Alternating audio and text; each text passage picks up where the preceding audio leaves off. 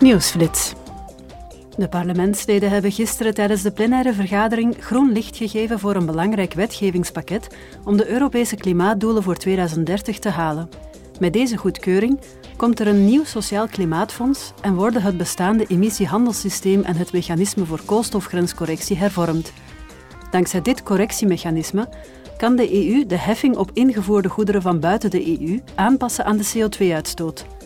Op die manier worden landen buiten de EU ook aangemoedigd om milieuvriendelijker te produceren. Tijdens de plenaire vergadering bogen de parlementsleden zich ook over de reactie van de Europese Unie op de toenemende veiligheidsdreiging die uitgaat van China. Samen met commissievoorzitter Ursula von der Leyen en EU-buitenlandchef Joseph Borrell debatteerde het parlement over het buitenlandbeleid van China. Von der Leyen zei hierover in Straatsburg the shows of military force in the South China Sea. Het militair geweld in de Zuid- en Oost-Chinese Zee en aan de grens met India hebben een rechtstreekse invloed op onze partners en hun rechtmatige belangen. Of over de Taiwan-kwestie. De EU houdt al lang vast aan haar één-China-beleid. We hebben altijd gepleit voor vrede en stabiliteit in de straat van Taiwan. En we zijn sterke tegenstanders van een eenzijdige wijziging van de status quo, zeker als daarbij geweld wordt gebruikt and we stand strongly against any unilateral change of the status quo, in particular by the use of force.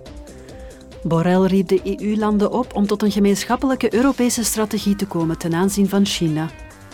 Hay que seguir hablando con China por su colosal influencia en el mundo. We moeten de dialoog met China in stand houden, omdat het zo'n enorm belangrijke speler in de wereld is en omdat de dialoog aan de basis ligt van de internationale politiek. Tenminste tot het onvermijdelijke gebeurt, zoals wat Rusland gedaan heeft in Oekraïne.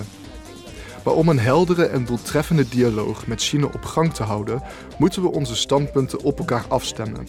En niet met één stem spreken, want we hebben heel wat verschillende stemmen, maar wel allemaal mooi in koor. Pero sí como un coro bien afinado.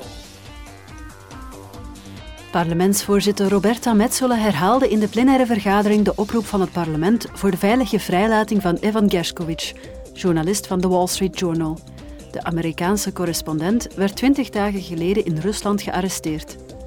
Aan het begin van de vergadering pleitte Metsola ook voor de onmiddellijke en onvoorwaardelijke vrijlating van oppositiepoliticus en Sakharovprijswinnaar Alexei Navalny. De gezondheidstoestand van Navalny in de Russische gevangenis blijft uitermate zorgwekkend.